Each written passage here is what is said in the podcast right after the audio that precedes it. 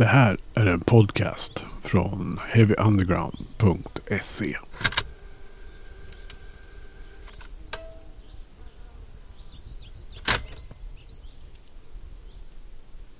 Klassikeravsnittet den här gången från Heavy Undergrounds podcast är del två. Eh, med eh, en intervju med Barney Greenway från Napalm Death. Eh, den första hörde ni förra veckan då. Då vi intervjuade Barney 2006.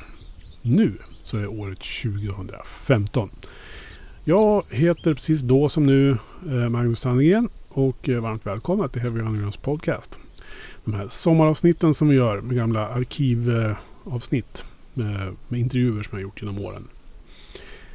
Så, Barney Greenway. Det här var ju 2015 då som den här intervjun ni ska få höra idag eh, kommer ifrån.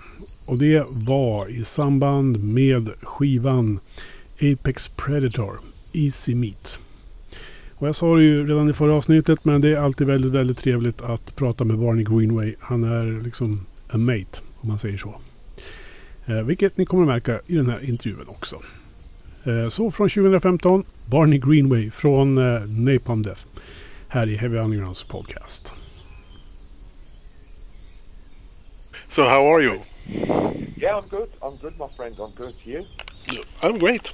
Yeah. Yeah. Uh, survived Christmas and all that. Sure. Yeah. Yeah. I mean, I, it, it, you know, I I could care less about the, the supposed Christmas meaning, but but it's like it's like time for me to do nothing, which I don't very often get. So it was.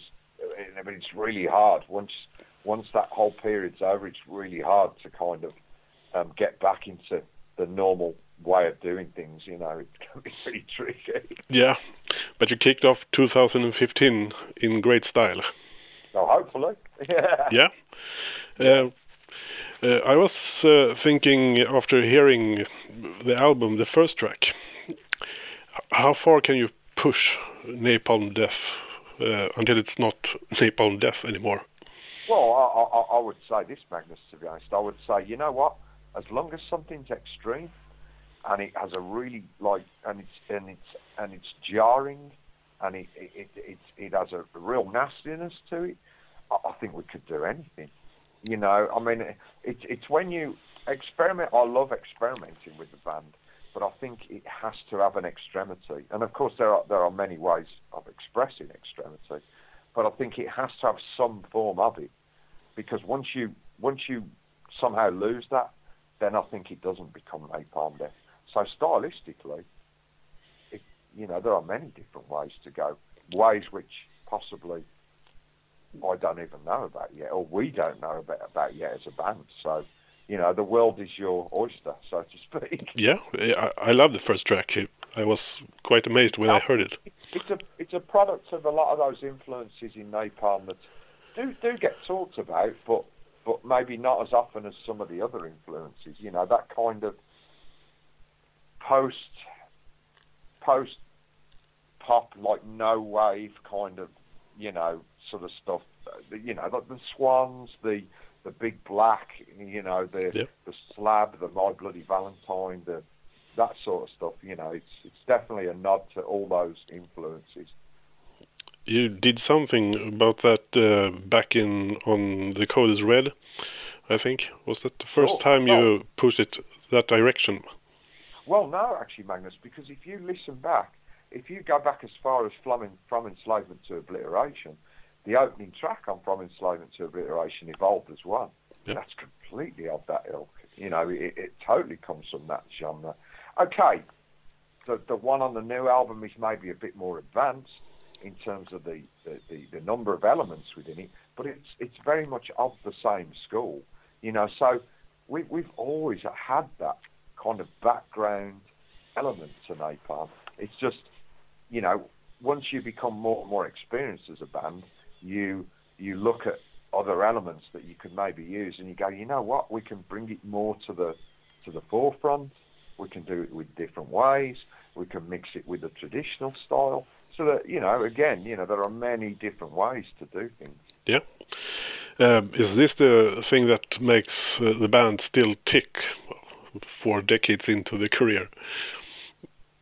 Well, I, I think just the, the purely and simply the excitement and the inspiration and it, it, those two things because it would be very easy, you know, for a band after the 20 plus years that we've been together, it would be very easy for us to become jaded and unenthusiastic and, and all the rest of it. But we have um, we have we, we haven't lost that sense of excitement. You know, that sense of adventure. It's still with us. So so for as long as that remains, then we'll continue. Uh, I mean, uh, on the other side of the coin, of course, if one day, whether I or Shane or whoever feels that you know we're not so enthusiastic about touring anymore, that we can't make you know the quality of albums that we'd like to make, then then we'd have to think differently and yep. look at things again. But for now, we feel that we've still got quite a bit left in us. Yep. You know, so and I think I think with the new album, I think from what people, the feedback that people have given us so far, it seems that we still have something to offer. Yeah. Know? Let's talk a little bit more about the new album. Uh, can you explain the title? It... Um, well, when I when I'm working on a album title, I mean, it can it can be quite difficult sometimes to come up with something. You know, it's always something that I ponder quite a lot, and you know, I really sort of go over it for for quite a number of days, and then then I'll sort of finalise it, and then I'll take it to the other guys, and then we'll sort of you know throw it around amongst ourselves. But for this this album was very very easy for me because it, it was it was a, an event that was actually the catalyst. Now it that doesn't doesn't usually work for me. I'll take a more sort of distanced, like bigger overview. But the the the, the Rana Plaza um, event, which was a, a, a, sweatshop which collapsed in Bangladesh, um, which was clothing. Basically, it was a sweatshop that was making yeah. clothing for many Western companies to be uh, clothes be exported, you know, cheap clothes basically into the West. And to, first of all, to think that that could have been avoided because they knew that this building was going to. It was obvious there was great big fucking cracks down the side of the building, and it, it was a situation that completely could have been avoided. But the usual greed, you know, the bullying from the bosses and stuff, and they sent people back into the building, and of course the inevitable happened. So on a number of levels, it, it, kind of suggested to me that somehow life is considered cheaper, you know, in some of these places around the world, you know, to where, for, for the benefit of our consumption, people are dying, they're losing their lives, people's lives are being changed by their injuries, and it just seems like a, that's a scandalous situation, you know, where the, the media coverage as well, you know, there are there are many disasters throughout a year, you know, in a year of, for the media yeah. to pick up on. And it just seemed that for such a major disaster, it just seemed to be in the headlines for like a day or something, and it very quickly seemed to slip down the news agenda. And when you compare it to some of the things that have happened that are consistently in the news day after day, you know, high on the news agenda for, for, for weeks, then it just seemed that was just another indication that you know, maybe this doesn't quite matter as much as other things do, you know. And and so it was that whole that whole perception that some lives are cheaper in other parts of the world, but also the whole thing about whether it's clothes, whether it's food, whether it's gadgets, or, or many different items of, you know, manufactured items. It just seems that some parts of the world, a, they go through all the all the bad situations during the manufacturing period, the, for then the stuff to get shipped over to Europe, then we get the benefits from it. And when we very quickly dispense of this stuff, the irony is it gets shipped back to those same countries because very often it's unrecyclable trash. And rather than us, you know, dealing with it here, we send it back to them where they can't really dispose of it. So it just sits in these great big fucking toxic like trash heaps, you know, mm. and just you know toxifies the earth. Very often it gets burnt, and of course it, which pollutes the atmosphere even more. So it's just that kind of cycle of, of, of manufacturing and consumption and disposal, and you know, it just seems that some parts of the world get the a far far worse end of the deal than what other countries do. You know. Yeah. So, And I really like the cover of the album. yeah. It's- Well, basically, what that represents is those people involved in the manufacturing, if you like, they're kind of the easy meat in the situation. So they are packaged in. Well, if you think of like, if you think of a sort of a day-to-day consumable item, it's you might go into the supermarket and pick up one of those, one of those plastic trays of something from the supermarket freezer, and that to me is kind of one of the icons of cheap disposable consumption, you know. And so to package the meat, which again is those workers, if you like, the people that suffer in this Yeah. whole, you know, situation, are inside the very thing, you know, the very cheap, nasty yeah. throwaway thing, you know. So Uh, I wonder, you have been outspoken about uh, these kind of subjects for a long time. What has shaped your views of the world? I, it, it- it's quite simple, mate. To be honest, I mean, I'm a human being, you know, and I, I, I, I you know, I. The one thing for me is the one thing that we, I think, as that we need to get back to is understanding and discovering humanity, because to me, humanity has gone on the back burner. And there are it's a it's a dehumanizing situation because what are the things that dehumanize people? Politics, religion, um, um, acquisition of wealth, and and, and, and, and, and, a, few other things you could put on that list. You know, so I think that it's about getting underneath, digging underneath all that, and rediscovering how it is to to to I guess to behave as a human being, also how to how to perceive and treat others as human beings. Because the whole the whole quest for power and the quest to have more authority over the next person in this world has led people to just do inflict things upon other people that you you, you or I maybe or, or or the same people you know without sort of being blinded by power and you know they they wouldn't do such things you know in normal everyday situations you know. But because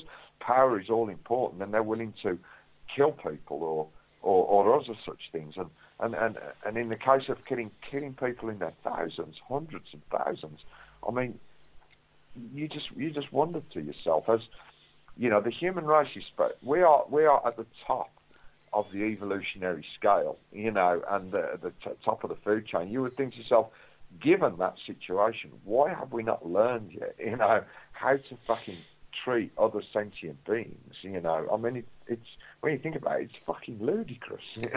Know? Are there any special events that has shaped you as a person?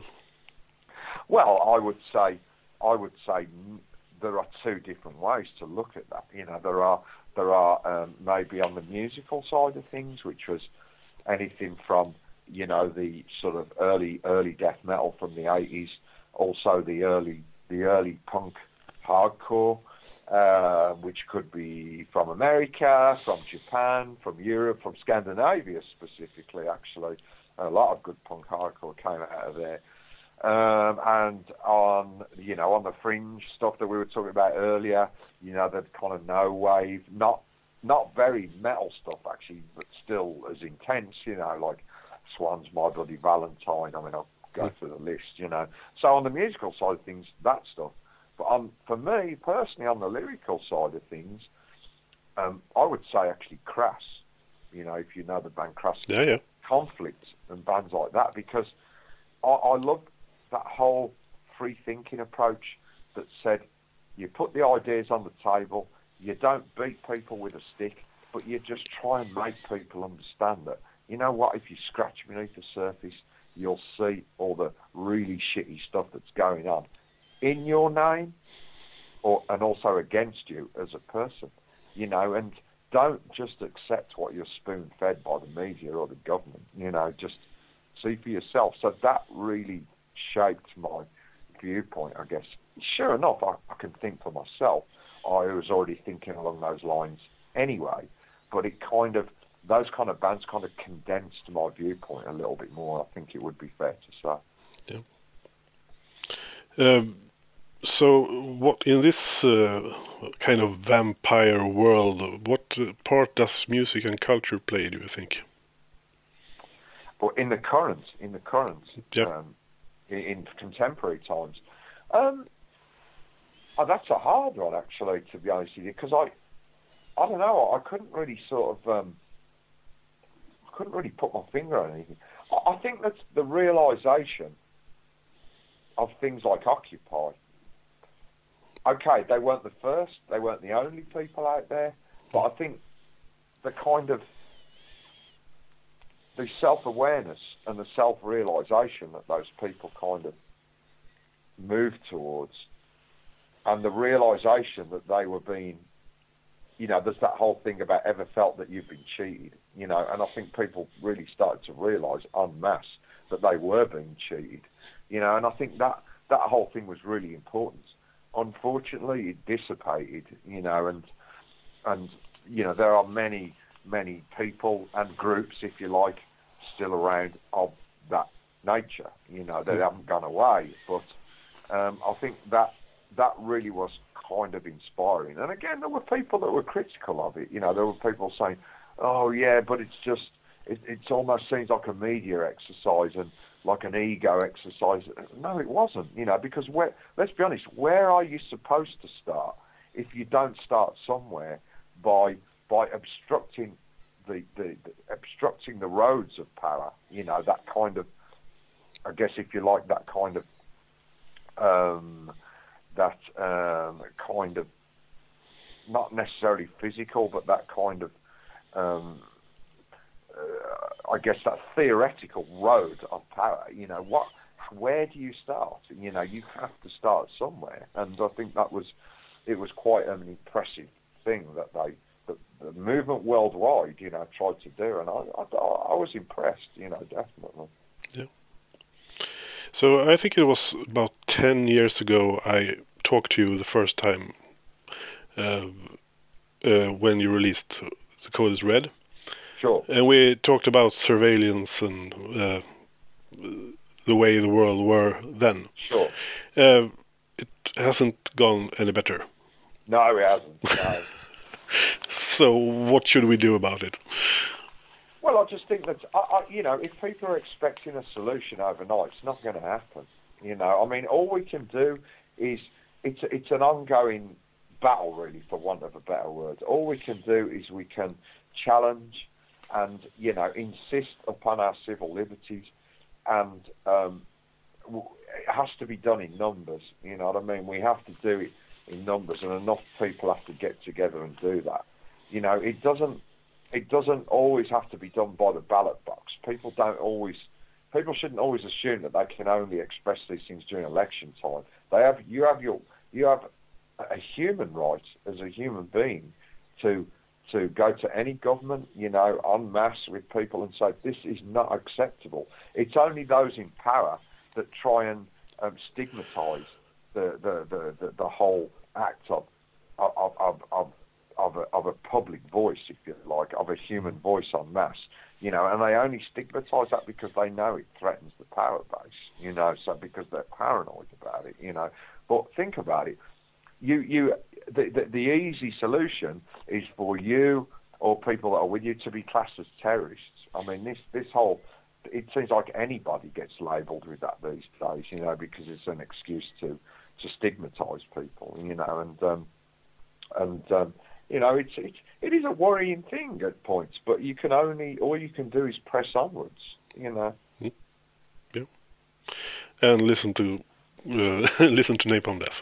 Well, maybe, possibly, we're, we're only a part of the jigsaw. You know, we Yeah. are, we're not, you know, we're not sort of. It, it, it, it's good, you know, that we can create that awareness, but um, obviously, you know, we're a very small part of it. Mm. Du har lyssnat på en podcast från heavyunderground.se. Jag som säger det heter Magnus Tannegren och är den som producerar och intervjuar i den här podcasten. Vill du veta mer om det här avsnittet eller om podcasten i allmänhet? Besök heavyunderground.se eller leta upp oss på de sociala kanalerna på Facebook och Instagram. Tack för att just du har lyssnat. Hey, I met you. You are not cool. I know. Even when I thought I was, I knew I wasn't. Because we are uncool. I'm glad you were home. I'm always home. I'm uncool. Me too. You're doing great. You know, the only true currency in this bankrupt world is what you share with someone else when you're